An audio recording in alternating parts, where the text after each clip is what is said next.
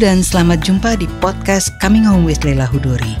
Inilah program yang membahas tokoh-tokoh dan pilihan buku mereka. Kami juga mengundang para penulis yang berbincang tentang proses kreatif mereka. Pada musim tayang kedua, kami akan menampilkan debat para tokoh dan buku-buku pilihannya. Program ini diselenggarakan oleh penerbit kepustakaan populer Gramedia, Gramedia Pustaka Utama, Gentle Media Network, dan saya sendiri, Leila Hudori.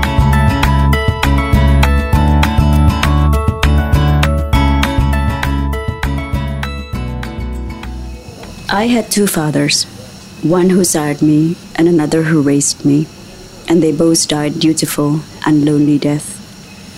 I didn't learn of the fact that there were two until the fall of 2006, when I was already 40. But by then, my birth father had been dead, or so my mother told me, for six years, in an island that had been his prison and his deliverance, his past and his future. She'd waited until the fall to tell me, waited four months after my adoptive father, the only father I'd ever known, died of a heart attack, and until she was able to travel to the said island to ascertain the time and manner of my other father's death. I was born in late summer and grew up oblivious of false supernal spell. Where I was born in Jakarta, the capital city of Java, we know many seasons. There is the mating season, the divorce season, the season of typhoid and dengue. There is also the graft season, the pious season, the season of poison and bile. There's also the stupid season, which often encompasses the last three. Mostly, we alternate between dryness and rain, the latter often accompanied by an inlay of humidity that fills us at times with heavy, toneless sorrow. Yet we do not have fall, unless what is meant by fall is a season in which a large number of heroes die in the battlefield I don't even believe in official heroes because heroes are to be found in the everyday, in those who sacrifice and those who endure. My two fathers were both heroes and non heroes.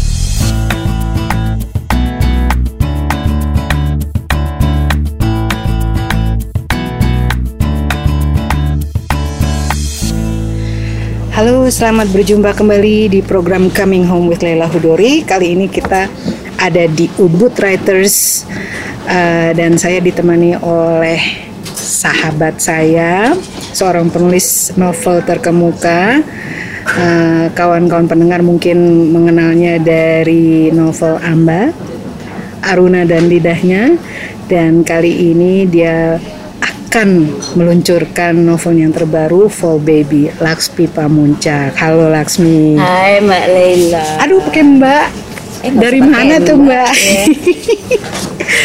udah lama sih kita nggak ketemu. Iya, udah berapa terakhir terakhir di eh, London ya? Kita di London. Di London ya, ya ampun. Jadi kita bertemu selalu di festival-festival. Nggak boleh tuh kayak gitu. Nggak boleh. Nah, ini uh, novel yang saya baca dengan kecepatan yang luar biasa. Hmm, nggak bisa berhenti.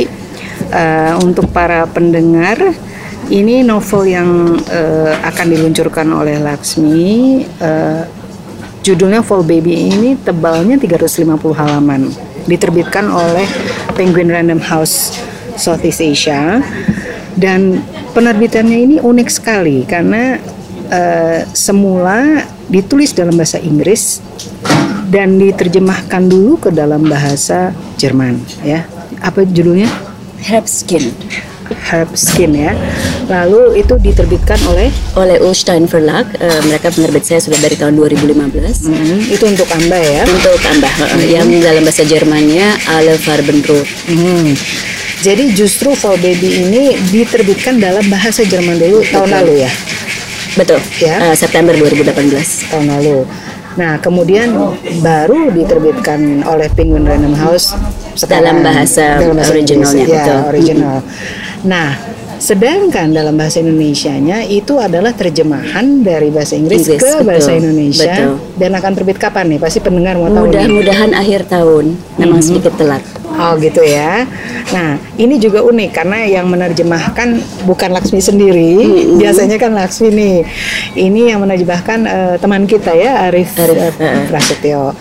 Oke, okay, uh, bisa ceritain nggak sih kenapa kok unik sekali nih perjalanannya ya. Mm-mm. Ya memang riwayat buku ini memang nggak konvensional ya. Jadi awalnya penerbit saya itu yang tadi saya um, uh, sebut Ulstein Verlag um, menerbitkan novel pertama saya Amba dalam bahasa Jerman. Dan buku itu sukses uh, sempat memenangi penghargaan sastra waktu itu Jerman namanya Literatur Prize tahun 2016 Uh, disukai para kritikus dan lain sebagainya. Nah, pendeknya penerbit saya senang, uh, lalu menawarkan untuk menerbitkan sequel Amba, meskipun waktu itu sequel itu belum ditulis. Hmm. Oh jadi kamu udah cerita duluan. Mm-mm. Saya bilang, bagaimana kalau sequel ini adalah kisah Sri Kandi, anak yang lahir dari hubungan gelap Amba dan Bisma.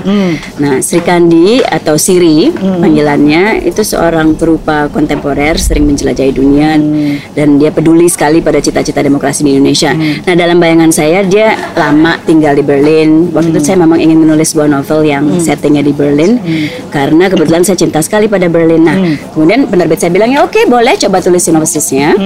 Uh, tapi kalau bisa cepat karena uh, mereka juga harus approve dulu kan isinya. Uh, dan uh, lalu langsung diterjemahkan karena uh, timelinenya sangat ketat. Hmm, jadi ini semacam kayak hampir seperti kalau saya membayangkan produksinya agak kayak film ya. Jadi pitching terus di Betul, ditulis ya. betul. Dan Se- itu adalah bagian yang eh, terus terang sangat riskan ya.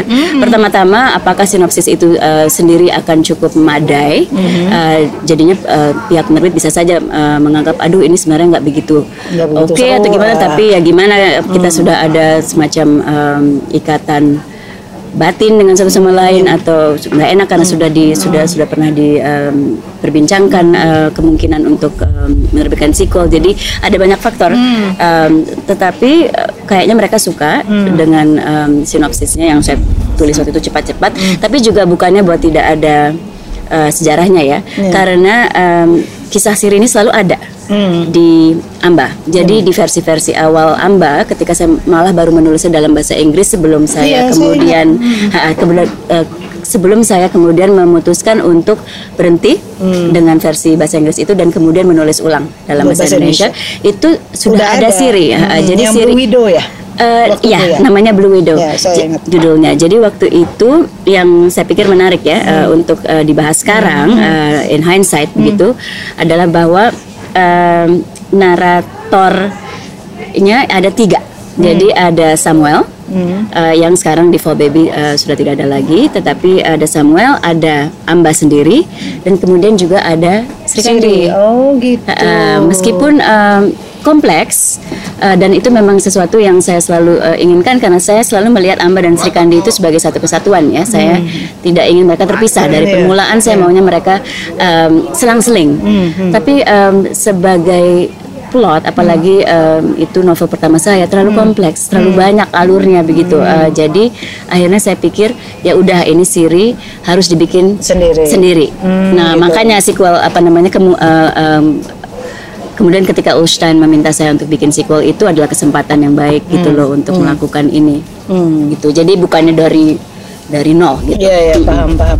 Nah eh, kan akhirnya kan ke dalam bahasa Jerman itu apakah yang Inggrisnya yang sekarang diterbitkan itu mengalami satu proses metamorfosa atau persis yang itu yang diterjemahkan yang Saya pangkas Hmm. Sekitar 60 halaman. oh kenapa? Eh, karena em, pertama waktu saya menulis Herb Skin itu deadline-nya terlalu ketat. Oh gitu. dan dari eh, sinopsis sampai penggarapan awal riset dan kemudian menulisnya itu saya punya waktu sangat sangat em, eh, sedikit dan juga ada be- beban mental bahwa itu harus diterjemahkan secepat mungkin. Dan ketika eh, draft pertama selesai jadi tanpa ada waktu untuk di apa ya untuk ditinggalkan dulu terus kemudian di apa di di eh, di revisit begitu eh, eh, untuk bisa melihatnya dengan apa dengan dengan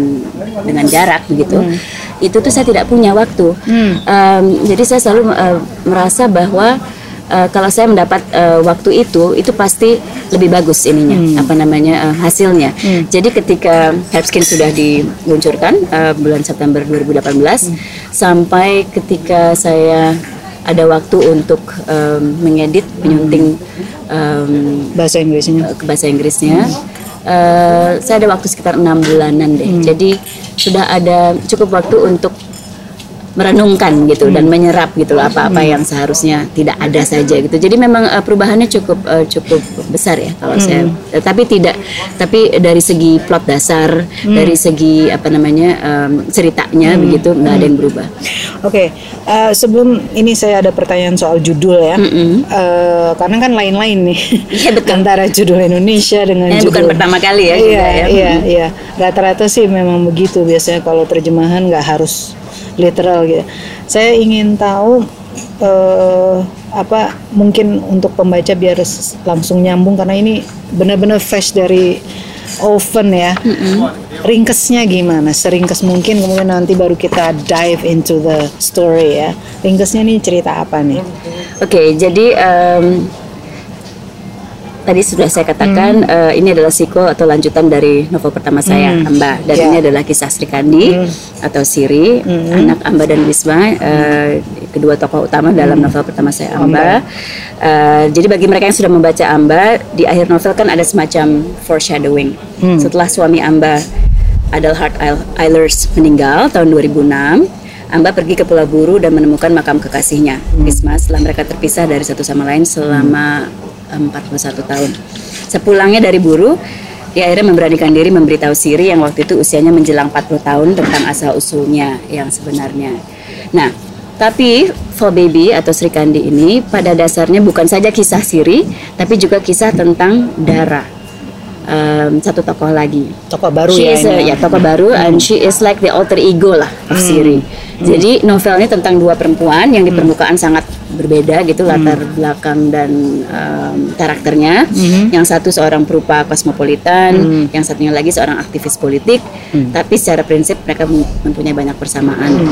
Nah, setelah bertahun-tahun berkelana di beberapa kota di dunia, di London, New York, Madrid sebagai seorang seniman si Siri ini kemudian memutuskan hidup di Berlin untuk menghindar dari masa lalu keluarganya yang kelam yang nanti tentu saja bisa dibaca ya seperti apa. Nah tak disangka sebuah berita kemudian memaksanya pulang ke Jakarta. Terus eh, di sana dia harus menghadapi nggak hanya realita keluarga yang pedih tapi juga semacam eh, jalin kelindan lah antara seni rupa, agama, politik dan sejarah. Eh, terutama ketika salah satu pamerannya dihujat dan dilarang karena dianggap melanggar susila. Nah, dalam pergulatannya ini eh, adapting ya eh, eh, iya. di Jakarta, Siri juga harus memaknai ulang hubungannya dengan ibunya. Amba dengan Dara yang waktu itu sudah jadi musuhnya, tadinya sahabat sekarang jadi jadi musuh.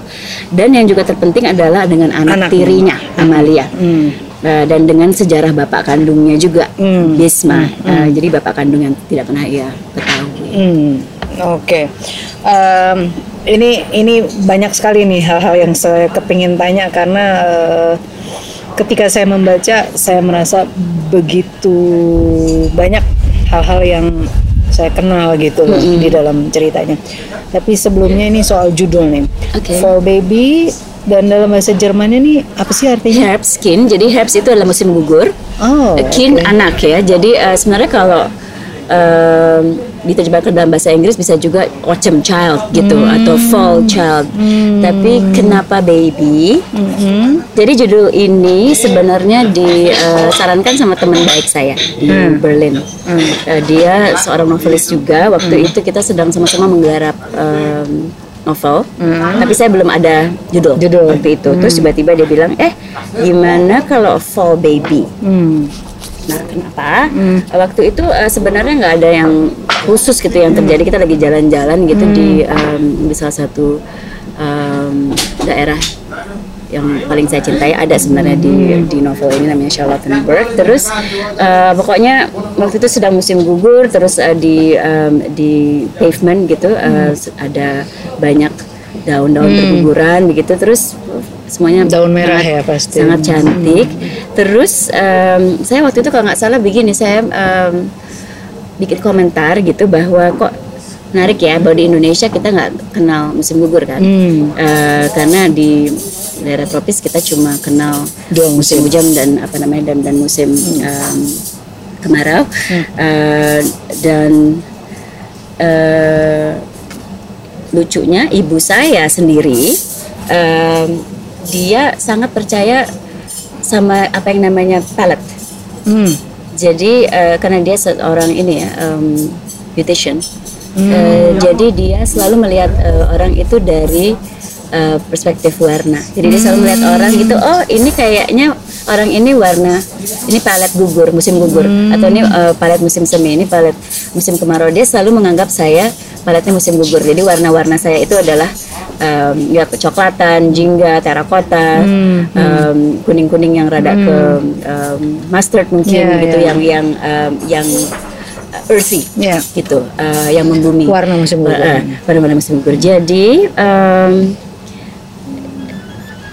saya ya saya saya singgung ini terhadap, terhadap teman saya. Kemudian em, saya juga ke- rada ini ya rada jadi puitis gitu. Terus saya bilang oh eh, menarik sekali bahwa akhir-akhir ini selalu kalau pas musim gugur ada aja hal yang terjadi sama saya yang yang menyenangkan yang positif gitu. Apakah saya em, dapat pekerjaan baru atau saya dapat proyek yang menyenangkan atau mungkin eh, pokoknya ses- semuanya yang semuanya oke gitu loh. Jadi em, teman saya terus bilang ya udah kalau begitu kenapa nggak for baby? Karena baby itu kan bisa merujuk ke banyak hal ya. Bisa eh, bisa bahwa eh, baby itu merupakan sebuah awal. Jadi eh, kamu sebagai anak gitu eh, tapi juga sebagai anak yang baru memulai kehidupan gitu. Jadi baby bisa juga sebagai eh, pencinta sebagai lover.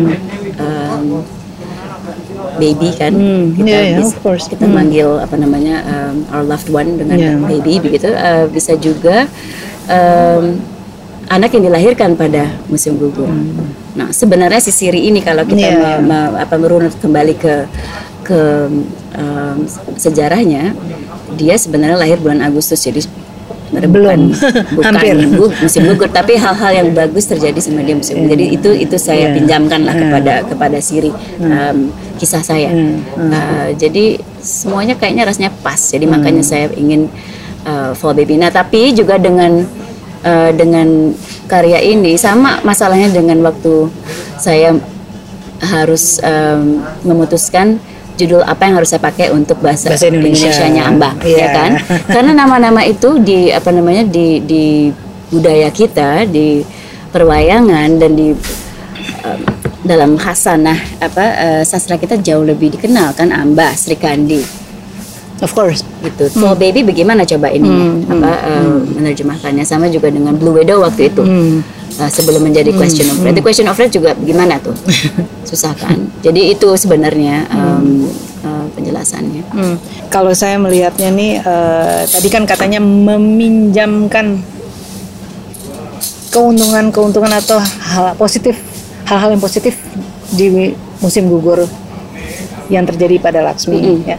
Kalau saya melihat tuh yang, yang Itu enaknya fiksi ya. Mm-mm, tapi kalau saya merasa yang dipinjemin banyak banget. Oh, gitu? Iya, iya banyak banget. Nanti kita omongin itu. Menarik. Ah, It's not only about you know uh, uh, every every uh, autumn gitu ya, tetapi uh, a lot of things sebetulnya. Nah, ini saya mau ngomongin soal karakter Sri Kandi ini ya. Eh, ini saya melihat Laksmi berani sekali memperlihatkan seorang protagonis yang em, kalau vulnerable sih nggak apa-apa itu biasa ya. Tapi ini betul-betul eh, di banyak titik dia itu memang diperlihatkan eh, oleh orang-orang sekelilingnya termasuk anak tirinya termasuk kawannya. Dia dibilang dia selfish ya. Kemudian eh, eh, dia dia mengatakan I'm a painter I'm not a yoga teacher. Pokoknya dia kadang-kadang ada ada eh, snobnya gitu ya. Terus eh, ya anaknya juga mengatakan bahkan dia mengatakan eh, you're a closeted snob. Itu itu lucu banget istilah-istilahnya. Nah karakternya ini kan jadi seolah-olah meskipun ketika di kita sedang membaca point of view dia. Kan ini gantian ya antar point of view Sri Kandi nanti bab berikutnya point of view Dara. Habis itu point of view Sri Kandi lagi selalu uh, bergonta-ganti. Begitu kita masuk ke point of view dia saya nggak nggak kesel sih sama dia. Orang-orang yang kesel sama dia gitu. Orang-orang pada jengkel sama dia. Uh, sure, sometimes dia kelihatan apa ya, benar-benar self indulgent sometimes. Tapi nggak bisa kesel gitu sama dia. Sementara orang pada anaknya, Pada gemes. ibunya, darah apalagi gitu ya. Nah, eh, kenapa Laksmi kok berani sekali me- me- menampilkan orang yang sebenarnya nggak gampang untuk root for her from Yeah. the very beginning gitu Right. loh. Mm. Eh, menarik sih karena saya tentunya tidak em, meniatkan Hmm.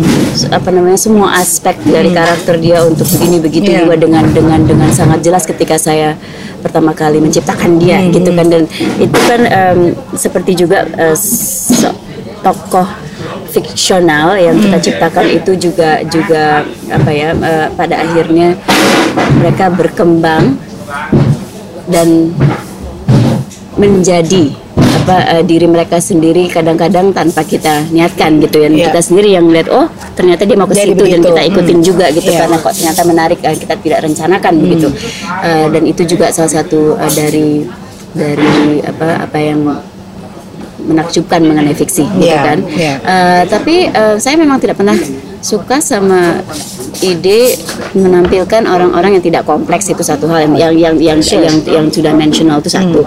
Em, meskipun tentu saja ada em, ada beda-beda derajat ya Iya, maksudnya eh, layernya beda-beda. ada seberapa kompleks misalnya. Iya. Tetapi memang saya ingin ber apa ya? Saya ingin mendalami karakter orang yang merasa merasa eh, rentan seumur hidupnya, gitu ya. Meskipun dia tidak ingin menjadi korban, dan dia tak dan dia selalu melawan itu kalau eh, melawan impuls apa melawan perasaan itu kalau perasaan itu melanda, gitu.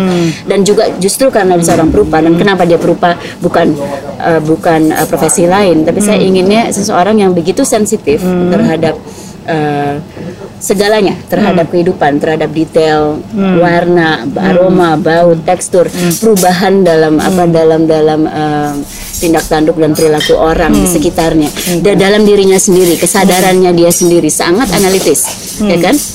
Jadi on the one hand di satu sisi dia tahu bahwa dia itu susah, dia itu em, mungkin memang ada em, ada selfishnessnya memang dia uh, self-centered gitu atau self-absorbed malah gitu. Tetapi uh, dia juga me, apa ya dia kukuh uh, mem- membela hal-hal itu di dalam dirinya karena itu adalah bagian dari dirinya. Itu dan dalam hal itu dia sangat kenal dirinya sendiri. Jadi dia tidak apa ya dia tidak uh, minta pemaafan atas um, atas hal-hal yang memang adalah bagian dari dirinya.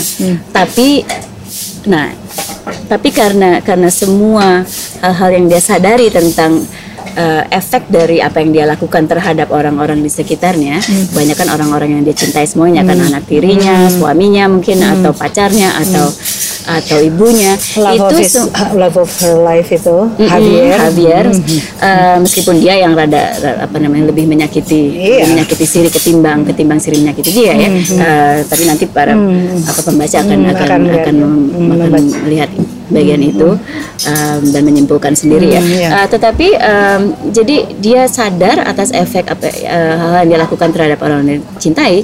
Eh, tapi pada saat yang bersamaan dia um, bukannya bahwa dia berhenti melakukan hal-hal yang dia ingin lakukan, tetapi dia merasa bersalah terus-menerus. Jadi dia tanggungkan hidupnya itu dengan rasa bersalah, perasaan guilt Hmm. itu yang terus-menerus menghantui dia. Dan di situlah kenapa mungkin dalam em, ya dan pada akhirnya orang tidak bisa benci sama dia, orang tidak bisa tidak menyukai dia pada akhirnya, atau paling tidak tidak simpati sama dia gitu ya. Eh, untuk menjawab eh, pertanyaan Iya, iya, iya. em, Lela tadi, Iya. karena dia bukannya orang yang tidak berpikir, Hmm. dia bukannya orang yang tidak apa tidak bisa eh, merenungkan kehidupan. Iya, Justru iya. dia bisa merenungkan kehidupan. Tapi dia merasa dia harus juga apa ya menjadi dirinya sendiri. Seperti juga kemudian Amalia generasi apa sesudah dia ya em, melakukan juga apa yang dia rasakan sebagai em, jalan hidupnya sendiri, tetapi dengan cara yang lain, dengan jaga jarak, dengan dengan apa ya semacam self sufficiency dan Yeah. uh, um, kemandirian Yeah. uh, yang sedikit berbeda dari Siri. Siri kan cantik, Siri apa namanya cetar, membahana kayak gitu, ya kan. Sementara Amalia um, lebih semuanya lebih understated. Dan dia tidak ingin me- tidak ingin menarik perhatian orang lain sama sekali. Uh, malah dia pinginnya um, sedikit, low profile. Iya. Makanya mengejutkan ketika belakangan dia dia apa eh, justru kalau dia lagi bersuara iya, out atau- iya, ah, iya. itu mengejutkan gitu. Karena Iya. berarti itu benar-benar udah unbearable ketika dia sampai speak up gitu Betul. eh, eh, apa in front of public Iya, ya biasanya kan dia low profile sekali. Nah eh, ada satu hal juga eh, ini untuk mereka yang nggak mau dengar spoiler silakan dimatikan dulu. Tapi eh, saya terpaksa harus eh, eh, bertanya ini karena eh, saya menganggap ini eh, I really like this novel. I I think this is your best. I, I- saya nggak bisa berhenti. Bukan Ah, hanya karena kasih. bukan hanya karena ini page turner, tapi uh, every single um, decision you made about uh, the character itu spot on untuk saya ya. Mm-mm, oke. Nah, jadi I'm glad. Uh, salah satu hal yang menurut saya uh, I'm glad you decide to do that adalah fluidity dari sexuality-nya dia ya. Uh, karena untuk saya untuk pembaca uh, mungkin sebagai pembaca nantinya uh, saya nggak tahu apakah itu sengaja. Penulisnya kan kadang-kadang penulis tuh ya menulis naturally aja dan pembaca kemudian menginterpretasikan itu buat saya uh, fluidity sexuality dia itulah yang kemudian memiliki relevansi dengan namanya. Buat saya ya, gitu loh. ya. jadi buat saya oke this is it. That's why it's called Sri Kandi bahkan nanti di dalam bahasa Indonesia kan itu yang menjadi judul. Dan buat saya itu penting gitu. Jadi that's one thing I want to tell you bukan pertanyaan. Tapi uh, the second thing adalah uh, ini eh, kan tadi kan Laksmi bilangnya dia cantik, pokoknya memang dia ke ke mana pun orang ngeliatin, orang gawking and all that gitu ya. Eh, tapi saya juga melihat ada hint bahwa dia dia tuh apa ya? Kadang-kadang kayak androgynous ini loh perasaan sexuality-nya tuh kayak androgynous gitu. Kadang dia dia bisa desire women and then dia bisa desire men equally meskipun pada akhirnya dia ada pengakuan sedikit sih di belakangnya bahwa eh, ya gue nggak segay dia sih gitu ya. Iya, ada iya. ada pengakuan Hmm, gitu. Betul. itu boleh nggak ceritain sedikit eh, proses untuk memutuskan bahwa oke Sri Kandi yang yang gue tulis ini eh, secara seksual seksual ini begini gitu? Ya, menarik sekali kamu uh, masuk ke dalam uh, aspek ini ya, karena ini bagian yang sebenarnya um, paling tidak direncanakan juga. Justru kayak ap- kal- bisa bisa dibilang ini uh, menjadi um, sangat berbeda dengan apa yang saya um, Rencanakan. rencanakan Ah. uh, saya niatkan sebelumnya. Tadinya begini, uh, saya ingin sekali merobohkan um, semua stereotip um, nama yang, yang ada hubungan dengan nama. Jadi Amba uh, tidak harus menjadi se- seorang yang ditolak dua kali Iya, oleh laki-laki kemudian jadi pendendam dan sepertinya hanya itu saja yang apa namanya yang uh, uh, definisi Dari nama itu. Ya. Um, dan yang saya coba lakukan um, uh, dengan novel pertama adalah untuk um, ya merobohkan itu semua dan juga untuk um, untuk menunjukkan bahwa seseorang tidak usah terpasung atau terbelenggu dengan uh, dengan uh, pemaknaan namanya uh, uh, uh, berdasarkan um, sistem-sistem Pakem yang wayang. bukan atau pakem wayang atau sistem-sistem lain yang ada di dunia ini yang bukan yang datang dari dirinya sendiri begitu. Nah, saya tadinya ingin lakukan yang sama dengan Sri Kandi. Nah, Sri Kandi itu kan kalau di um, versi wayang, India. uh, versi wayang um, Oh, lebih lebih sering digambarkan sebagai salah Istrinya satu istri Arjuna. Arjuna. Kebetulan pendekar yang tangguh, Iya. manahnya jago dan satu-satunya apa pendekar yang ditakdirkan untuk bisa Membunuh membunuh, Bhisma. Bhisma. Hmm. Kayaknya itu saja gitu loh apa um, um, tujuannya hidup gitu.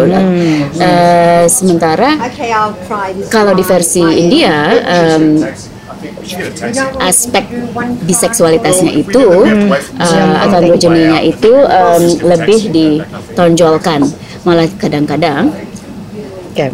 malah kadang em, Sri Kandi malah digambarkan sebagai si Kandin male warrior, apa pendekar laki-laki begitu ada ya. ini kan, ada perubahan seks Betul. di satu saat. Ya. Dia be- be- tukeran eh, gender dengan raksasa Ya. Stuna. Jadi yang versi India begitu sehingga memang Sri Kandinya menjadi lelaki, Stunanya menjadi Jadi perempuan, kan begitu. Yes. Nah, Heeh. Nah, kemudian saya em, me-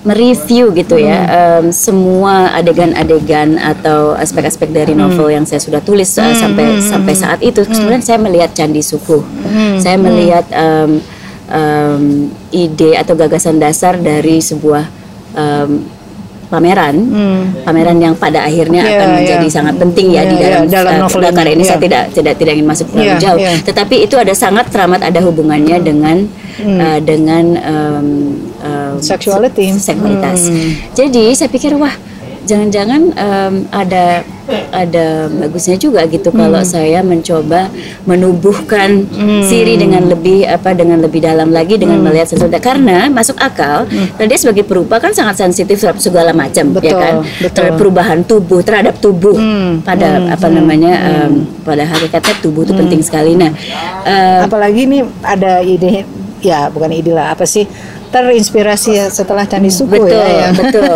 betul Ah, bagi ah, mereka ah, yang ah. uh, uh, uh, tidak Saya udah- kenal dengan apa namanya Candi Suku. dengan candi suku uh, mungkin bisa Bisa berkunjung. bisa, berkunjung Kalau lagi ke Solo silahkan. betul atau atau apa ngecek di Google apa artinya dan segala Hmm. macam Uh, tetapi ya kembali lagi uh, kepada aspek uh, sirin yang sens- sensual ya Hmm. Uh, masuk akal juga bagi saya waktu itu untuk sedikit uh, kembali ke masa kecilnya dan dan adanya darah di dalam novel ini juga menjadi semacam conduit semacam apa semacam uh, um, vehicle gitu. Um, untuk um, Siri bisa ber Siri bisa kembali ke ke masa lalunya gitu. Dan juga bahkan juga dari dari perspektif darah kan.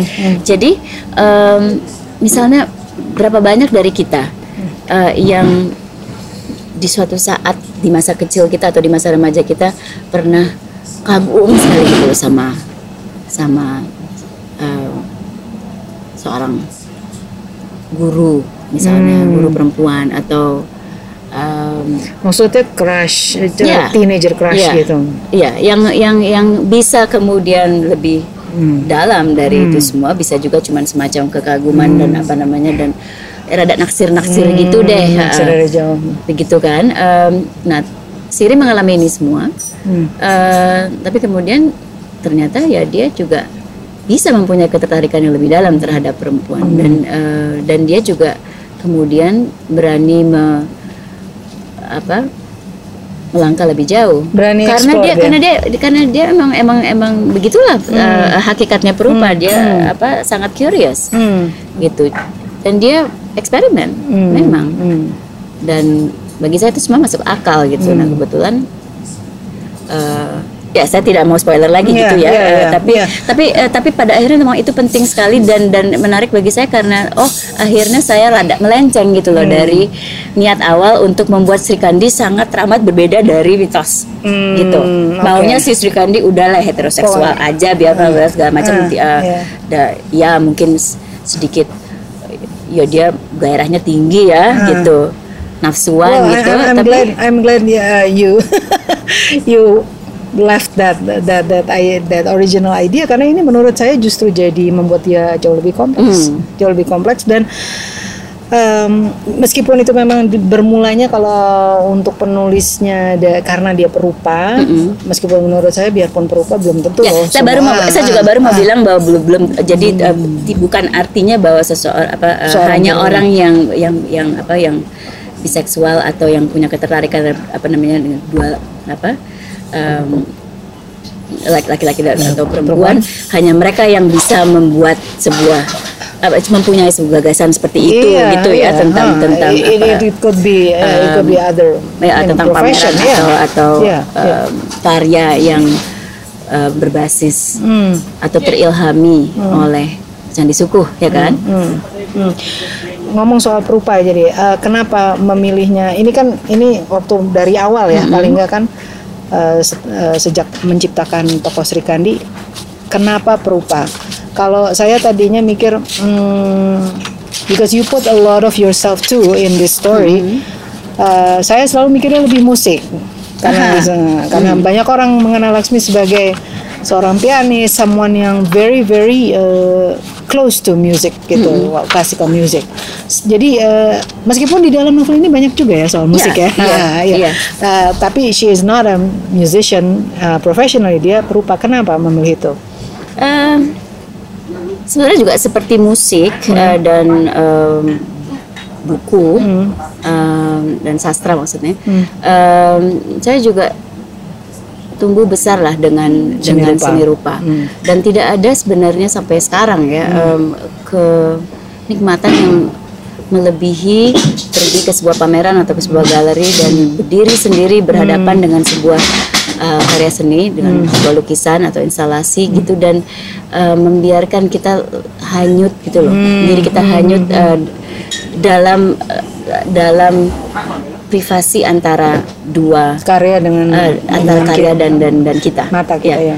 Apa namanya itu sesuatu momen yang betul-betul private dan um, um, connection hanya bisa didapatkan dan di apa apa namanya dan um, mengambil um, bentuk um, antara dua orang itu saja dan entah bagaimana kalau saya itu baru dari sebuah pameran atau Hmm. baru baru bertemu sebuah karya yang betul-betul ini ya betul-betul um, menggerakkan Menyentuh. saya itu Hmm. menyentuh itu saya itu efeknya terhadap saya itu bisa berhari-hari dan bisa menjadi sebuah karya gitu loh Hmm.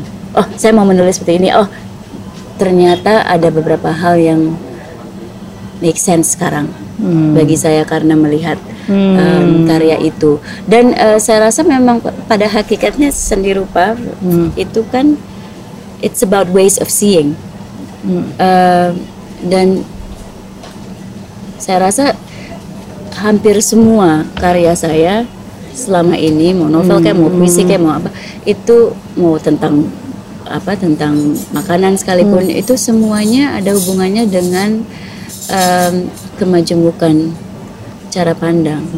Dan bahwa kita sendiri eh, bukan satu gitu ya. Iya, kita semua bukan. terdiri dari apa identitas yang berbeda-beda iya. kesadarannya juga berlapis-lapis. Kita bisa bereaksi terhadap satu hal seperti ini dan juga terhadap hal lain eh, dengan cara lain.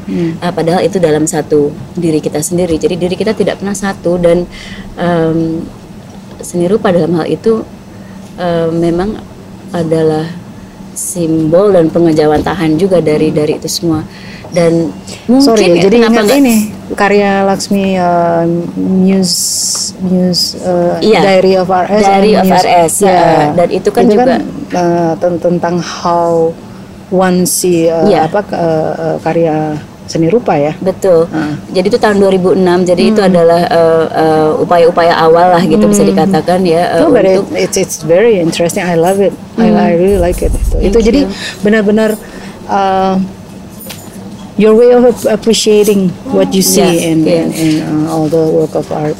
dan juga respon kita terhadap uh, terhadap um, uh, karya yang berbeda-beda juga bisa berbeda ya kan.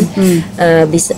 Jadi yang saya ingin tunjukkan dalam himpunan um, himpunan fiksi-fiksi pendek itu adalah um, kita bisa misalnya merespon dengan puisi satu lukisan, bisa juga merespon dengan sebuah eh, apa ya sebuah renungan yang lebih meditatif dan lebih atau bisa juga sh- short story yang yang satirical atau bagaimana gitu. Jadi Pernah nggak respon dengan musik?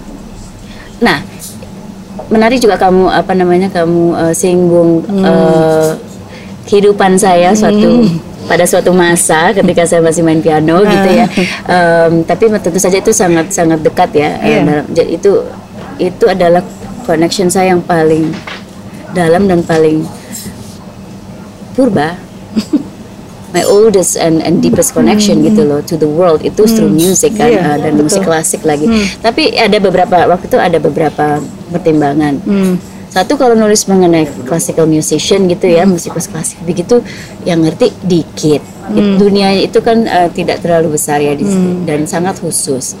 Kedua juga saya lebih ingin menampilkan seseorang yang seorang apa namanya musikus ketimbang menjadi musikus yang eh, apa apa ketimbang menampilkan tokoh utama yang musikus karena nggak tahu ya saya pokoknya Jadi, the- belum jadi- siapa juga mungkin Jadi ya, jadi musiciannya si ini aja ya, tokoh tokoh. Iya, ada ada satu tokoh, ada satu tokoh di situ. pendukungnya Tetapi aja. penting, tetapi penting Iya, melihat iya. bahwa bahwa mereka mereka Oh satu dia dia yang membuat si Siri kalem lah ini. sangat sangat ini ini ini ini orang penting nih. Iya, Kalau nggak ada dia iya. nih gawat. Nah, Saya sebenarnya cinta sekali I sama like sama him, sama I tokoh like him. itu dan ini ini betul-betul bukan tokoh yang oh I wish I met somebody like that begitu ya. Enggak, enggak, Eh, enggak. apa atau saya betul-betul inginnya Siri ketemu orang seperti itu sudah udah pas Iya. gitu tapi ada sesuatu tentang tokoh itu yang kemudian Lovable. ha, membuat saya juga kok Aku aku takut Pelan-pelan jatuh Aku cinta. aku takut sekali bahwa ini ini awas ya kalau Laksmi bunuh dia. Don't ever do that Ya, to tapi him. dia musikus ya Iya, kan? exactly, exactly. Jadi uh, perspektif tentang musik datang dari dia. Nah, ya betul. Uh, tetapi itu bisa bisa menyatu juga dengan visi Hmm. artistiknya si si uh, Siri. Jadi uh, Iya. jadi nggak nggak aneh-aneh banget menurut saya gitu. Hmm. Uh-uh. Tapi, tapi apa it's Iya. funny that you mentioned that. Ya, oke. em, ini saya mau tanya tentang this man, women, women, woman reconfigured uh, exhibition. Satu pameran yang penting sekali di dalam di, di beberapa bab novel ini yang saya nggak mau panjang lebar menceritakan. Uh, karena biar aja nanti pembaca yang mem- uh, shock sendiri. Tapi Oh, jadi uh, saya nggak boleh bilang ya ini. Iya boleh, tapi tapi Ya, boleh aja nggak apa-apa. Coba saya saya pikir ini uh, lucu aja gitu. Apa it's it's shocking tapi mungkin uh, tokoh sirinya ini kepingin kita shock gitu loh dengan Hmm. membuat itu. Ini ini saya ya. Dia kepingin dan it, that's that's I think that's her gitu loh. That's Hmm. her ini uh, mem- membuat itu ya. Nah, um, how did you get selain candi suku tapi how did you get into this idea about this uh, this exhibition? Waktu itu saya juga eh, gini, kayaknya saya mencari eh, contoh gitu ya, Hmm. contoh yang em, yang jelas gitu Hmm, eh, tentang em, bagaimana sebenarnya Ini Ide ya, yang every dari- man has a woman, Ya, woman, ide woman gitu ide ya. dari ide dasar bahwa ses- bahwa kita semua Hmm. eh, punya sisi perempuan dan sisi laki-laki Hmm. di dalam diri kita sendiri dan bahwa gagasan itu sebenarnya bukan suatu gagasan yang wow yang Hmm, baru dan iya, iya. radikal sama sekali tidak bahkan bahkan Virginia gagasan itu sudah sudah sudah ber Iya. sudah berabad-abad ada Iya. di dalam Karya-karya eh, yang sebelumnya. Betul Ya. dan juga di dalam budaya kita Iya. Oh, sendiri banget, di banget. Bali, di Lengger kita Hmm, tahu banyak. ya kan. Eh, jadi em, bukan sesuatu yang kita harus anggap sebagai wah em, radikal atau apa namanya atau Oh, enggak, punya shock enggak. value atau apa macam Tapi sekali pertanyaan saya ini karena uh, masa kini kan sekarang Betul. justru uh, era di mana kita sedang dipaksa untuk uh, memasuki satu jalan Betul, ya yang dogmatis Ya. gitu loh. Nah. Sementara kamu ngajak lagi gitu, eh kita dari dulu tradisi kita juga udah seperti Iya. ini loh gitu. dan dan di bagian itu memang in, eh, saya ya saya saya, saya katakan saja sekarang bahwa itu memang semacam statement politis Hmm. Ya, Dal- iya. dari Oh, dari pihak for saya sure. ya dari Hmm, pihak saya hmm. saya ingin mengatakan em, come on Hmm. masa kita begitu apa namanya begitu jauhnya gitu mem- membiarkan diri kita untuk apa untuk kembali lagi ke zaman eh, ya kan Iya. em, em, sebelum pencerahan gitu Iya. Em, jadi memang itu penting bagi saya terutama Hmm. saya pikir memang saat ini kita hidup di mana ide-ide itu sekarang sedang dikepung dan sedang di apa da- sedang di Kita sekarang seperti sedang disuruh jalan eh, nggak pakai sendal nggak pakai sepatu di atas beling Iya. pecahan beling. Ya gitu. Ya couldn't have Jadi- said it any better jadi eh, pameran semacam itu yang dilakukan oleh yang direncanakan oleh Sri Kandi ataupun yang lain-lainnya itu ancaman buat betul orang-orang yang meletakkan potongan beling ini betul nah dan bahwa moralitas itu pada akhirnya eh, penem- eh, selalu diasosiasikan dengan seksualitas atau dengan Betul. seks ya kan ya ya itu masa kita tahu lah itu hmm. uh, sebagai sebuah apa ya uh, ya sebuah realita. Hmm. Oke, okay. nah ini yang saya mau tanya juga relationship uh, two mothers ya mm -hmm. antara Amba dengan Sri Kandi itu hubungannya buruk. Uh, kalau kalau mau sedikit lebih diplomatis hubungannya sulit, kompleks, yeah. difficult. Yeah. Tapi sebetulnya kalau kita secara baru berapa halaman aja kita udah bisa lihat mereka hubungannya buruk. Kemudian uh, hubungan Sri Kandi dengan anak tirinya itu juga buruk yeah. gitu ya. Uh, dari awal udah hmm. udah udah uh, di apa dibuka ya. Uh, jadi uh, Laksmi sudah membuka halaman-halaman pertama dengan memperlihatkan bahwa uh, antara Sri Kandi dengan Amalia itu ada ya. big problem ya. Nah, atau ada juga antara Amba dan Sri Kandi ya? Iya, Amba Sri Kandi, kemudian Sri Kandi dan Amalia. Mm -hmm. Jadi makanya two mothers and two daughters kan. Nah, uh, nanti darah kita kita omongin mm -hmm. darah lain mm -hmm. lagi nih karena dia outsider soalnya. Mm -hmm. Nah, uh, ini uh, kenapa memilih memilih this uh, issue karena ini sebetulnya isu yang terus menerus uh, tampil mm-hmm. dari babak awal halaman pertama sampai yeah, terakhir. Yeah. Bahkan penyelesaiannya pun gitu ya. Udah intim endingnya itu juga kelihatan it's it's about uh, about the relationship of these three women gitu. Yeah. Um, memang hubungan antara ibu dan anak bagi saya adalah hal terpenting hmm. di dalam kehidupan saya. Hmm uh, dan tentunya kita uh, tanpa mesti menjawab apakah sebuah karya ini autobiografi hmm. atau segala macam yeah. begitu uh, kita boleh dong apa hmm. mengedepankan dan me, apa ya mengeksplor menggali yeah. um, sedalam-dalamnya mm-hmm. sebagaimana kita bisa hal-hal yang penting bagi mm. kita. Nah, bagi saya um,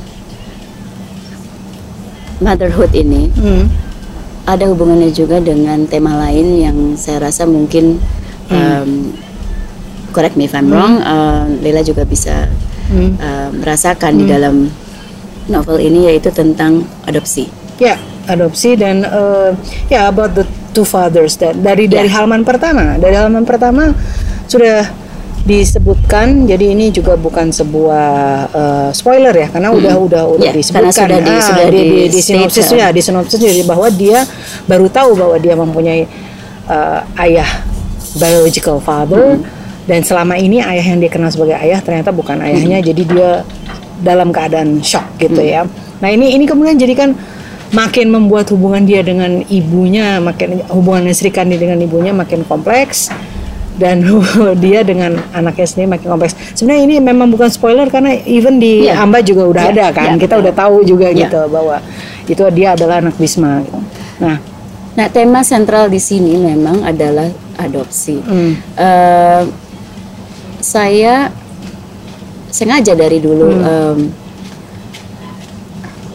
menciptakan Sri Kandi. Mm di dalam konteks ini ya, di dalam hmm. konteks Amba dan Bisma ini karena sebenarnya kan uh, uh, mitologi tidak ada yang mengatakan hmm. bahwa Sri Kandi lahir dari Amba yeah, dan iya, Bisma yeah, yeah. tapi saya ingin hmm. bahwa Sri Kandi itu lahir dari hubungan cinta hmm. dan juga tidak pernah dikatakan di mitologi bahwa apa uh, bahwa Amba dan Bisma saling mencintai ya kan? Hmm. tetapi bagi saya penting sekali bahwa seorang oh, anak ya. mempunyai awal itu hmm. satu hmm. kemudian apa yang terjadi ketika um, anak itu um, terpisahkan juga atau hmm. terenggut dari salah satu dari hmm. dari hmm. dari orang tua. Nah, hmm. ini yang terjadi pada Sri Kandi kan. Hmm.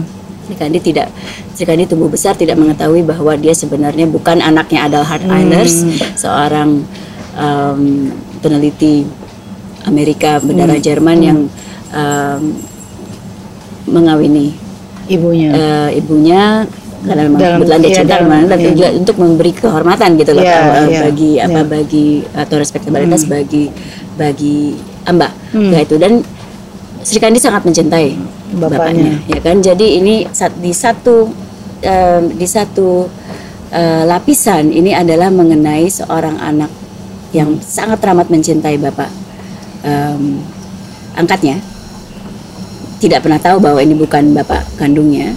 Kemudian diberitahu pada usia 40 tahun atau menjelang 40 tahun bahwa dia bukan anak dari em, bapak tersebut bahwa dia punya bapak lain, ya kan?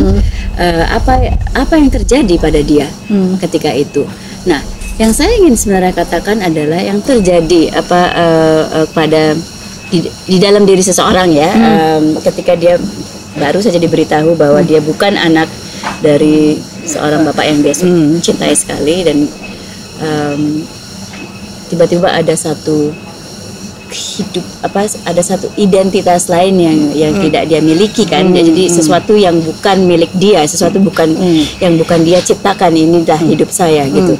Em, dan yang saya ingin katakan sebenarnya bahwa em, efek em, kebenaran itu ketika itu sudah diungkapkan itu berbeda-beda em, bagi anak yang diadopsi dan juga bagi em, orang tua yang mengadopsi Hmm. sebenarnya. Jadi yang saya ingin katakan adalah bahwa efek terhadap Sri Kandi mungkin ketika dia baru tahu mengenai hal itu dia em, mendapat jawaban atas mengapa ibunya selama ini di dalam dalam perspektifnya dia bahwa kok selama ini kok begitu dingin ada Ya, ada ada ada ada jarak antara dia dan Bapaknya. dan dan bapaknya juga dan dia ju- juga antara Ambar dan dan dan Sri Kandi. Sri Kandi. Eh, dia baru dia baru baru dapat jawaban Hmm. gitu karena sebelumnya dia selalu mengira apakah jangan-jangan itu karena karena dia karena karena Hmm. Sri Kandi sendiri apakah ibunya tidak menyukai dia Hmm. atau apa apa kenapa ibunya selalu seperti ada ya ada jarak itu dan juga tidak bisa mencintai se- sepenuhnya gitu ya Em, jadi yang membuat dia marah itu sebenarnya itu bukan bukan tidak bahwa dia dibohongi selama ini Hmm. kan banyak eh, banyak orang takut untuk memberitahu anak mereka bahwa mereka diadopsi itu karena takut eh, wah kalau semakin panjang semakin lama gitu Iya. nanti mereka akan merasa bahwa mereka dibohongi Dibohongi se- sebelasan tahun. ya kan. Ya, jadi tapi sebenarnya em, yang ingin saya katakan mungkin bukan itu yang dirasakan yang Hmm. dirasakan adalah ada banyak em, bolong-bolong gitu ya ada ada banyak gaps yang tidak Hmm. Yang bisa dia di paham. Hmm. Ha, ha. dots yang tidak bisa di-connect Iya. gitu loh Em, dan ketika dia mengerti itu apalagi apalagi ini kan sedikit menyakitkan bahwa Hmm. ternyata bapaknya dia itu sama tidak tidak tidak tidak cukup dicintai itu betul Hmm. itu karena ibunya selama 41 tahun mencintai orang lain. orang lain. Ya kan yang kebetulan bapaknya em, Bapak dia. Bapaknya dia. Iya. Ya kan tapi Bapak jadi kandung. ya kenal sama bapaknya. Iya. Jadi jadi di mana loyalitasnya? Jadi ini Iya. soal loyalitas juga. Ya. Loyalitas terhadap orang tua yang mana yang memberi kehidupan bagi Hmm. kita ataukah bagi eh, mereka yang membesarkan kita karena yang membesarkan juga itu sebuah laku cinta juga kan Nah, karena yang membesarkan juga eh, juga perlu mencintai dengan dengan dengan tanpa pamrih juga kalau dipikir-pikir kan Iya. Eh, kita memutuskan untuk mencintai seseorang yang bukan anak kita sendiri bukan darah kita sendiri dan kita akan memperlakukannya seperti anak kita sendiri. Jadi itu tidak ada apa namanya laku cinta yang lebih besar. Hmm. tapi pada saat bersamaan ya bisa aja dong apa em, si Siri sebel sama Amba. Dan ketika bapaknya meninggal eh, orang yang dia selalu panggil bapak satu-satunya bapak yang dia kenal ya Adalhard Eilers meninggal dia Siri sempat berpikir ini ibu saya yang membunuh bapak saya ya dia Maksudnya membunuh dalam, ya dalam arti karena tidak ya. mencintai Iya, eh, apa eh, karena tidak mencintai dengan memadai Ya. gitu. Eh, Which is true actually. Which is- Maksudnya itu tidak mencintainya itu emang betul. Ya, tapi ya sakitnya ya. dan dan juga ketika dia kemudian mengetahui bahwa dia diadopsi dia juga karena dia kan orangnya analitis banget ya si si Hmm. Si- si, si- Siri ini terus kemudian merasa oh sekarang saya mengerti kenapa ibu saya itu kadang-kadang kalau melihat saya seperti dia melihat sesuatu yang seperti melihat orang lain Hmm. dan tentu saja ada apa ini ini masuk akal si Siri melihat Sri Kandi, eh, apa Amba melihat Sri Kandi dan kadang-kadang yang dilihat oleh Amba adalah Risma Hmm. ya kan dan kan ya bagi mereka yang membaca Amba Hmm. tahu bahwa em, atau mungkin ingat bahwa ketika Amba dan Risma terpisahkan Hmm. tahun eh, 65 di tengah-tengah kerusuhan Iya. itu Amba tidak pernah yakin apakah sebenarnya Bisma meninggalkan dia aja hmm. atau apakah atau nggak ketemu uh, uh, jadi dia sengaja karena, ya. karena memang dia pada dasarnya suka nggak pede gitu Iya, kan si Amba iya, ini iya. jadi dia jadi dia bertahun-tahun uh, memberi wondering dirinya dia kemungkinan atau dia menerima kemungkinan bahwa Amba se- eh, Bisma tidak meninggalkan. ha. jadi dia melihat bayangkan dia punya anaknya Am- Nah, eh, Bisma. Bisma kan jadi dia merasa aduh jangan-jangan pada suatu saat dia juga akan pergi Hmm. Gitu. Jadi ada iya ada hal yang tidak selesai lah Iya. gitu di situ. Iya. Jadi em, ya jadi itu menarik lah bagi saya dinamika seperti itu Iya. ya dan tentu saja semakin tua juga em, orang itu juga semakin lama semakin mungkin semakin pahit, semakin Iya. tidak bisa me- me- menutupi em, kesedihan atau ketakpuasan atau apa kekecewaan uh, dan kepahitan mengenai um, banyak hal dalam hidupnya gitu semakin tua kan jadi Amba juga semakin pahit kelihatan semakin Iya. getir sementara juga si Sri Kandinya juga over analytical aja jadi orang dari dulu gitu kan. Begitu. Itu em, saya sengaja nggak mau menyentuh bagaimana darah ini came into the mix of this Ya, mother daughter biar eh, pembaca aja yang melihat. Sebenarnya dari awal juga kita baru mengetahui bagaimana eh, Amalia ini eh, akhirnya malah memilih untuk eh, apa namanya eh, ya semacam berlindung lah di uh, keluarganya Dara. Nah, tapi kita, kita itu itu biar aja pembaca membaca kenapanya dan sebagainya karena itu itu uh, satu apa ya perjalanan yang menarik Ya, buat saya ya. ya. Nah, yang saya juga mau tanya nih adalah em, Am- karakter Amba nih. Segalanya kan berpusat dari Amba sebetulnya di awal ya. Eh, di sini nih semakin lama apa ya seperti tadi Laksmi bilang ya semakin tua. Apa karena dia semakin tua, jadi dia semakin unsympathetic gitu, semakin apa karena itu ya, jadi semakin bitter, semakin unsympathetic meskipun eh, Sri Kandi itu digambarkan eh, wah dia selfish dia maunya lari ke sana kemari ke luar negeri meninggalkan semua orang dan sebagainya sehingga saya kadang-kadang aduh ini mau root for her gimana caranya ya? Tapi Amba lebih lagi eh, digambarkan eh, dingin sekali jauh lebih dingin daripada di eh, novel Amba gitu. Meskipun di novel Amba kan kita tidak meng- tidak kenal Amba sebagai seorang ibu ya tidak kan? tidak. Dan dan dan dia juga nggak pernah overly warm juga orangnya di Ya, situ. ya, tapi ya. di sini semakin Ya. dingin gitu. Ini karena development of karakter yang semakin tua ya Saya rasa begitu dan memendam apa memendam ketidaktahuan gitu Iya. tentang eh, tentang nasibnya Bisma selama begitu lama 41 tahun ya. Iya. Semakin tua dan eh, dan ya kita mungkin ya itu mungkin umum ya bahwa semakin semakin tua orang jadi semakin eh, semakin banyak Hmm. semakin rewel semakin gitu rewel ya. dan juga semakin apa ya semakin eh, banyak kecemasan gitu loh Iya, iya, mengenai iya. segala hal gitu Em, dan memang pada dasarnya Amba seperti itu dan Hmm. dia itu juga mungkin semacam defense mechanism ya Iya. eh, dari d- dari pihak dia bahwa dia mendapatkan seorang anak yang dia juga merasa bahwa ini mungkin lebih anaknya Bisma dibanding anak anak dia Hmm. Eh, dia jadi perupa gitu. Dia terus kemudian dia jadi begitu kosmopolitan.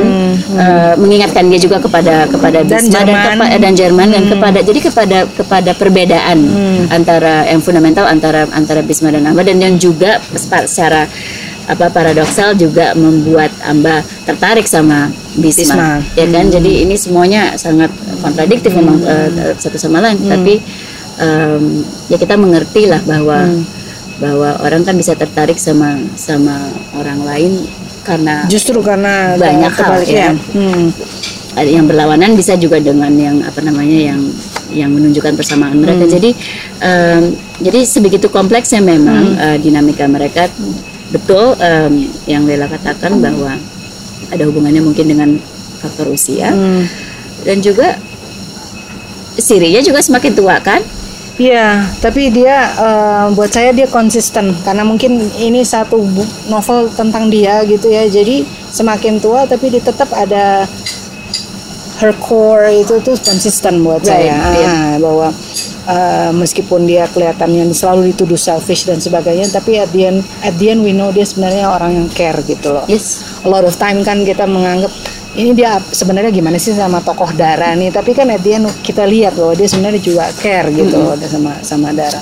Tapi uh, ini saya senang gitu loh. Ini tokoh-tokoh perempuan-perempuan ini semua uh, penggambarannya kuat gitu ya Uh, Dan mereka semua dingin sama satu sama lain, tetapi Hmm. itu semua semacam defense mechanism yang pada yang yang yang pada akhirnya juga rada tragis. Dan Hmm. berarti nggak harus sampai begitu gitu loh. Sebenarnya Amalia nggak dingin amat sih ya. She's Iya, actually iya. She's very vulnerable. Ah, Mm-mm. iya, dia dia dia and she's nice. Dia sama yang lain-lain kecuali sama ibunya kan lagi marah gitu ya. Jadi eh, Ama- A- Amalia nih menarik nih, tokoh menarik. Bisa another another novel kali ya. Eh, me- meskipun apa meskipun eh, eh, degree dari kehilangan dia dalam dalam hidup dalam hidupnya dia Hmm. Iya. itu berlapis-lapis kan? Iya, iya. kehilangan kehilangan or eh, ibunya Ba- terus bapaknya, yang ibu ibu ibu kandungnya, kandungnya, terus kemudian bapaknya. kehilangan bapaknya Terus ibu kehilangan ibu tirinya. tirinya juga Ah. yang and bapak di ininya. Yes. That's another tragic story yang biar aja mereka cari tahu sendiri itu. Itu makanya bagian itu kan nggak dieksplor terlalu banyak karena kita kan fokusnya ke eh, Sri Kandi dan itu itu itu kali one day bisa dieksplor. Nggak karena aku sebel banget dengan tokoh yang namanya Arif nih. Oke, ini ada eh, karena kita and you choose nama Arif menarik tuh. Halo, saya Leila Hudori. Saya adalah penggagas dan host podcast Coming Home with Leila Hudori. Kami sering menerima pertanyaan dari pendengar yang terinspirasi untuk membuat podcast. Gimana sih cara membuat podcast dengan mudah? Jawaban yang sederhana adalah seperti membuat instalasi sebuah aplikasi yang bernama Anchor. Anchor, sebuah perusahaan aplikasi pembuat podcast yang dimiliki Spotify.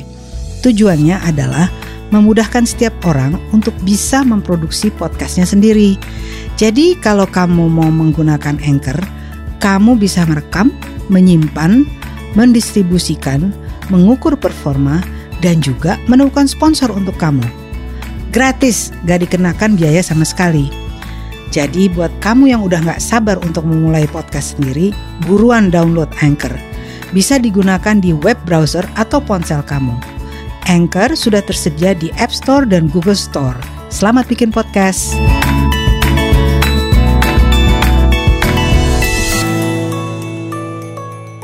Oke, eh, eh, saya harus masuk karena kita udah mendekati eh, 50 menit. Yes. Ada audience questions ini banyak sekali yang masuk banyak benar. Wah, Jadi oke. akhirnya eh, biasanya kita memilih dua, tapi sekarang kita pilih tiga. Oke. Ya, Eh, pertama dari Tia Agnes, ini kayaknya at Tia Agnes kayaknya ini anak detik eh, detikcom nih kayaknya. Oke, ha. Ha. Yang tersulit dan berat dalam penulisan novel itu kan riset. Nah, buat seorang Laksmi Pamuncak, bagaimana biasanya melakukan proses riset? Apakah sampai harus membaca pustaka yang banyak atau mendatangi lokasi yang ingin diceritakan? Ya, em, elemen itu ada semua. Hmm. Eh, dalam Fall Baby pun atau Sri Kandi pun eh, tidak berbeda Hmm. Eh, karena setting dari novel ini em, banyak di mengambil tempat di Berlin. Ya, saya Lama di sana lama ya. di sana. Hmm. Eh, dan semua tempat-tempat yang saya yang saya sebut di sini museum, galeri, Hmm. em, neighborhoods begitu itu semuanya saya eh, alami sendiri. Ya. Em, kemudian riset pustaka juga banyak, terutama mengenai apa mengenai Hmm. Sujoyono ya? Eh, Sujoyono Sujoyono juga. juga. itu karena dari dulu eh, merupakan favorit saya ya, Ah. Eh, dan saya ada ketertarikan pribadi terhadap eh, personal terhadap ceritanya Sujoyono. Keluarga bukan saja bukan saja karya-karyanya Karya, bagi saya luar biasa. ya. Iya. Hmm. Dan juga yang eh, salah satu triggernya adalah itu em, eh, sketsa em, Mia Bustami. Bukan sketsanya Sujoyono tidak begitu ingat saya kapan Hmm. mungkin tahun 70-an tetapi saya eh, sempat ngobrol-ngobrol sama Amir Siddhartha sama Hmm. em, sahabat saya juga itu Hmm, hmm. Em, dan menanyakan ininya apa namanya em, originnya dari Ah, oke. em, dari karya itu misalnya jadi ya eh, di setiap level ada ini ada ada riset tentunya Oke.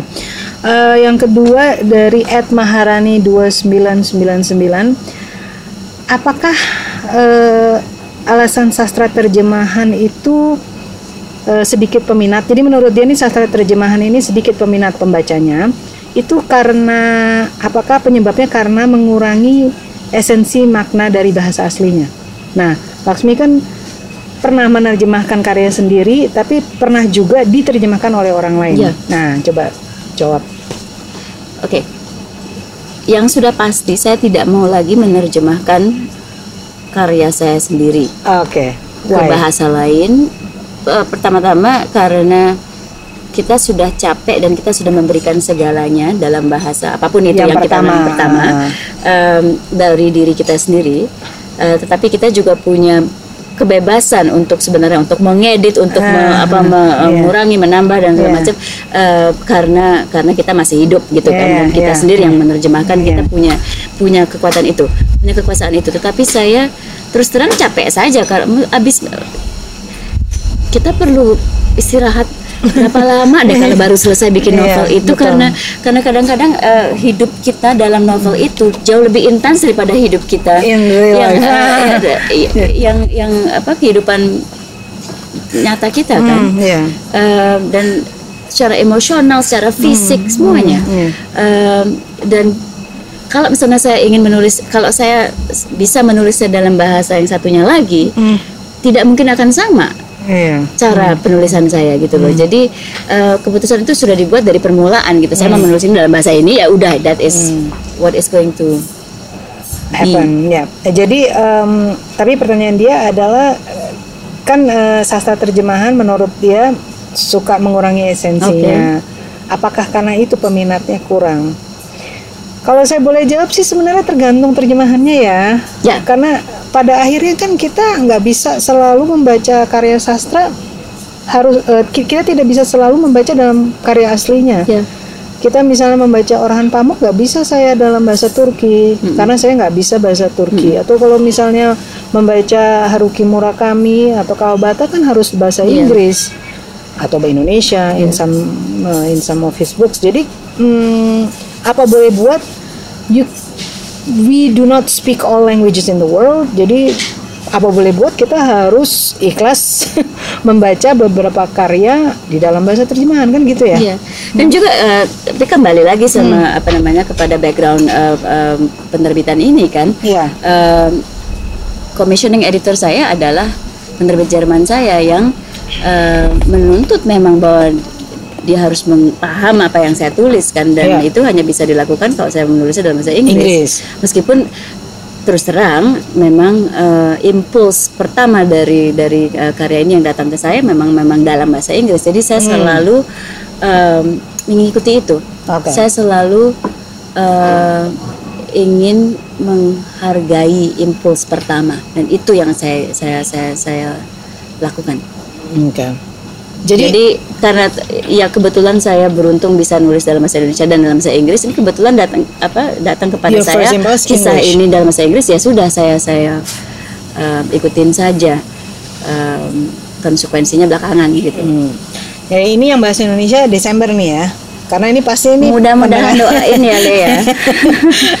Tapi alot memang penerjemahannya alot sekali. Eh, jadi apa namanya harus mengalami satu proses lagi ya sampai Eh, Dan saya ikut-ikutan emang, jadi itu tidak membuatnya lebih mudah. Oke, Mungkin. jadi jadi ikut terlibat ya. Oke, yang terakhir dari Nindi Saputri, at Nindi Saputri, jika melihat sastra Indonesia lima tahun ke belakang, kok lima tahun ke belakang ya? Lima tahun terakhir maksudnya ya. Bagaimana peluang sastra kita di kesusastraan dunia?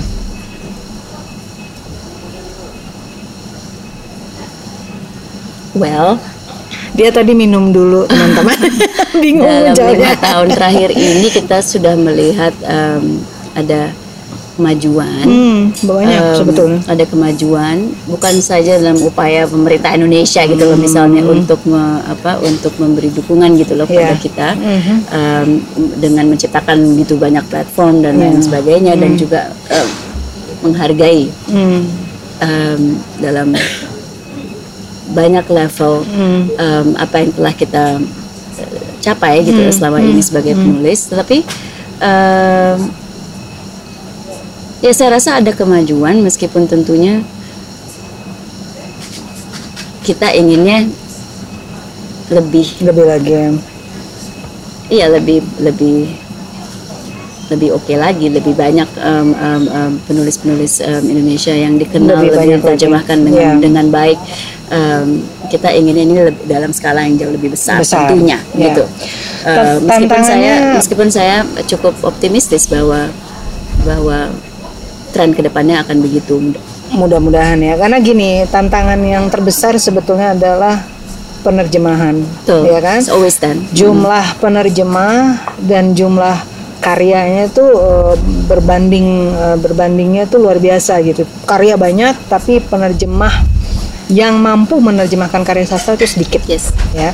Kalau menerjemahkan bahasa Indonesia ke bahasa asing banyak mungkin ya, tapi kan beda gitu menerjemahkan karya Oh beda. sastra. Saya kan Ah. juga sudah, sudah mengalami misalnya eh, karya saya diterjemahkan dari bahasa Ja- dari bahasa Indonesia ke bahasa lain Inggris. atau dari bahasa Inggris ke bahasa lain. Iya, ya kan? betul, Itu betul. eh, sudah pasti ya sudah pasti ada, perbe- Ada, perbedaan beda dalam kualitas dan dalam ininya apa em, hasilnya ya. Ya.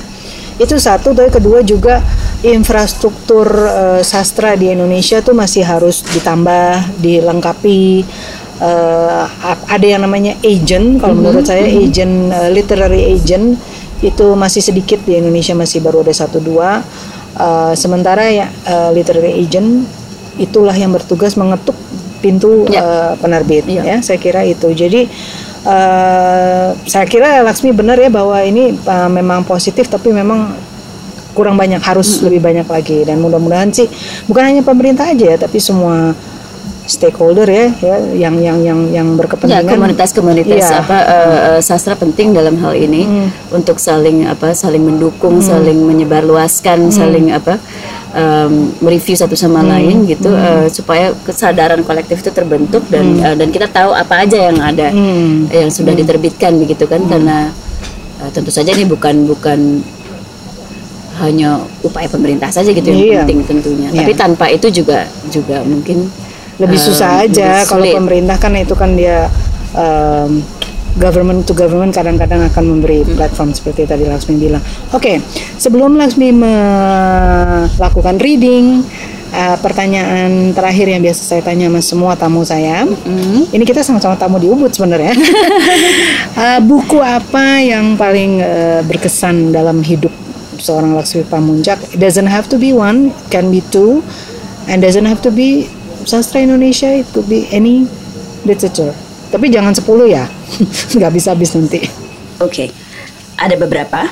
Uh, buku pertama yang saya baca yang benar-benar meninggalkan jejak ya, dan yang lama sekali jejaknya adalah Jane Eyre, karya Charlotte Bronte, um, abad ke-19. Uh, itu kisah tentang seorang pengasuh anak uh, sebatang kara yang bekerja untuk seorang bangsawan, mereka lalu jatuh cinta. Um, dari dulu entah kenapa saya tertarik sekali dengan cerita-cerita tentang perempuan-perempuan yang kuat dan tabah dan juga berjiwa independen, terutama dalam menghadapi ketidaksetaraan kelas gitu dan um, ketidakadilan dan cinta yang sulit. Nah, si Jane Eyre juga seorang pembaca, jadi saya banyak belajar dari caranya melihat dan menilai kehidupan melalui bacaannya. Nah, dan juga prosa Charlotte Bronte itu um, sangat kaya ya, sangat indah, bahkan cemerlang. Dan kapan pun saya membaca ulang karya ini dalam usia berapapun, hal itu selalu tetap menggugah saya. Selalu ada aja bagian buku yang membuat saya bilang, aduh bagusnya deskripsi ya, ini itu, aduh luar biasa banget dia menguraikan ses- sesuatu gitu. Jadi saya selalu merasa terdidik ulang lah tentang empati dan tentang pengorbanan setiap kali saya baca buku ini. Terus buku kedua yang sangat membekas adalah Portrait of a Lady-nya Henry, Henry James. Uh, itu tokoh utamanya Isabel Archer. Sebagaimana banyak ya tokoh-tokoh perempuan dalam novel-novel Henry James, dia pintar, dia terdidik, berwawasan luas, uh, cantik juga. Tapi sering diperlakukan seperti objek gitu, hanya objek yang sekadar untuk dikagumi dan didambakan dari oleh laki-laki. Nah, yang menarik tentang si Isabel Archer ini, um, dia sadar gitu akan kekurangan diri dia, tapi dia punya integritas moral dan dia tahu apa yang benar dan salah. Dia berani mengambil keputusan yang mereka eh, yang dia yakini adalah benar gitu em, demi kebaikan semua orang meskipun kadang-kadang ya dia sendiri harus berkorban untuk itu. Em, kemudian ada lagi dua orang uh, dua tokoh penting yang membentuk cara pandang saya tentang dunia. Dan saya nggak bicara cuma satu, tapi berbagai cara pandang ya, terutama tentang cara-cara pandang tentang seni rupa dan itu adalah uh, Susan Sontag mm-hmm. dan uh, John Berger. Mm-hmm. Susan Sontag um, bagi mereka yang mungkin um, belum kenal adalah seorang penulis intelektual publik dan filmmaker ya mm. dari Amerika. Nah, saya sangat suka dengan himpunan-himpunan esainya seperti Against Interpretation, mm-hmm. on Photography, um, regarding the pain of others. Udah lah, pokoknya kalau Susan mm-hmm. Sontag pahlawan lah. Iya betul. Kita. Pokoknya dari apa pun yang dia tulis, uh, media, budaya, film, iya. fotografi, yeah. human rights, langsung apa, gitu, apa komunis, pokoknya ideologi kiri, pokoknya uh, prosanya selalu cemerlang mm. dan apa dan erud, erud, erudisinya luar biasa mm. gitu ya. Uh, nah kalau John Berger dia seorang pemikir budaya dan penulis Inggris dan karya yang paling tersohor Ways of Seeing hmm. atau itu berbagai cara pandang atau cara-cara memandang dunia lah gitu. Hmm. Saya baca dalam sebuah mata kuliah pemula di universitas. Hmm. Dan itu betul-betul membentuk cara saya berpikir tentang dunia dan juga tentang seni rupa jadi makanya tuh pokoknya setelah membaca itu saya ngerti maka semua upaya untuk memaksakan gitu cara pandang tunggal tentang apa pun apakah tentang Islam hmm. yang tunggal tentang hmm. idealisme apa ideologi yang tunggal atau gaya atau estetika tunggal tuh nggak nggak mungkin gak, aja gak, gitu gak mungkin satu. Tapi saya ingat ingat sedikit sedikit saya interject karena ngomongin hmm. ways of seeing ingat uh, your novel hmm. uh, itu ada bagian ways of seeing tadinya saya pikir uh, referensi ke dia gitu right. ke Burger yeah. gitu. Karena yeah. kan ada penekanan gitu Betul. kepada ways of seeing bahkan dikutip gitu. Tapi ter, eh, ter, penulis lain ya sebetulnya? Bukan. Dia kan memang member Burger. oh, oke okay. ya udah. Uh, sangat betul.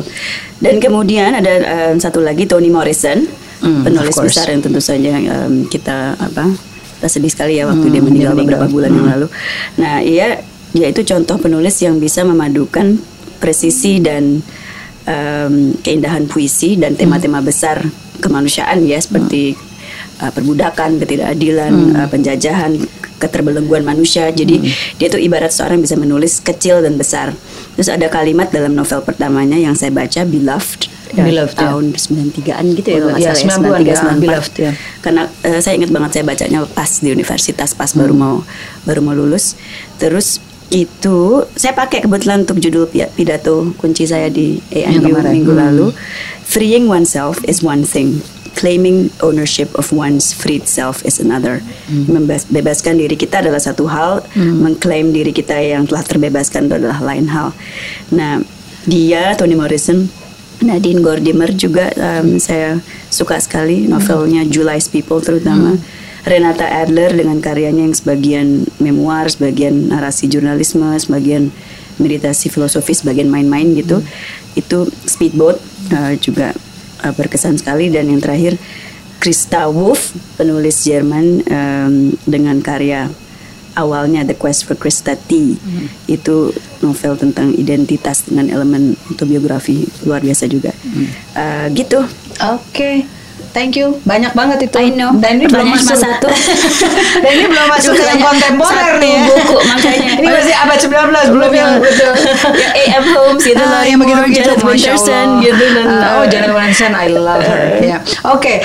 Uh, pokoknya pembaca kira-kira udah uh, pendengar kira-kira sudah mengetahui more or less uh, ya, ini ya your your your books bukan book books. Yes. What's your next project? Oke, okay, saya sekarang sedang menggarap uh, himpunan uh, cerita pendek hmm. mengenai perempuan-perempuan hmm. dalam berbagai macam hubungan. Hmm. Women in relationships. Wow. Jadi bisa dalam hubungan yang bisa mengenai poligami, bisa mengenai um, perempuan dengan pasangan yang banyak, hmm. bisa mengenai um, incest, bisa mengenai Oke, okay. that's really really interesting. I dan juga wait. bisa dan juga bisa apa uh, sebuah hubungan yang kelihatannya oke oke saja gitu. Hmm, nggak tahunya di dalamnya. Nggak tahunya di dalamnya bobrok hmm. atau apa gitu atau aneh atau janggal atau wait. gimana. Ini mau dalam bahasa Inggris atau Indonesia? Ini dalam bahasa Indonesia. Oke. Okay. Oke, okay, sekarang terakhir, mm -hmm. uh, tolong dong bacain dari Fall Baby uh, dua alinea. Nah, saya akan baca dua paragraf pendek um, yang dimaksudkan sebagai kontras antara hmm. kehidupan di Berlin, yang satu lagi di Jakarta. Jakarta. I'm a hick at heart, and there is something to Sundays that reminds me of my rural hometown in central Java, of easy days at the market and leisurely foraging in our backyard, of long hours on the football field and nights sweetened by the scent of tuberose. The hours of malaise my city slicker friends speak of are alien to me. But too late. There is a new case, and they need me back in my office in Jakarta early on Monday morning. And the moment was marked, for there I am, 24 hours early, on the night train from Solo, about to pull into Gambir station at the crack of dawn. I could have stayed on in Magelang until Sunday night at my brother Ranga's and milk my ancestral weekend in the countryside for all it's worth. But the idea of going straight from the train station into work the next day is even more depressing than spending my Sunday in a sullen, urban induced coma. A one day advance trip, that's all you need to lessen the pain. And it pays. At least over the blur of traffic and industrial waste of the last stretch, there have been intimations of a sunrise not unlike the one I grew up with. A glimmer of concentrated copper before a soft, languorous scattering even the city, when properly entered, is a kind of green dystopia, awash with the green helmets of the new economy's two wheel transport brigade. I might not read the world in color the way artists do, or certain artists say they do, but I know enough of it to love these guys. They are our handmaids and our unicorns. They carry the city's struggles with quotidian good cheer. They are my day's best hope.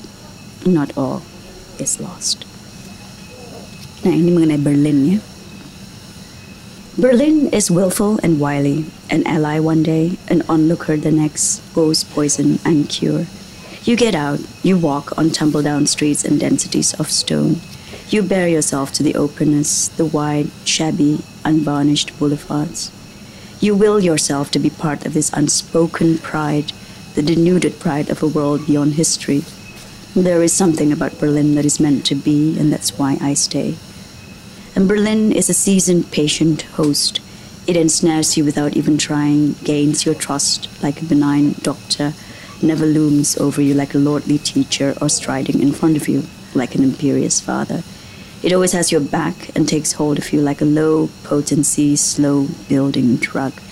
So you start talking to yourself a lot, you absorb and absorb.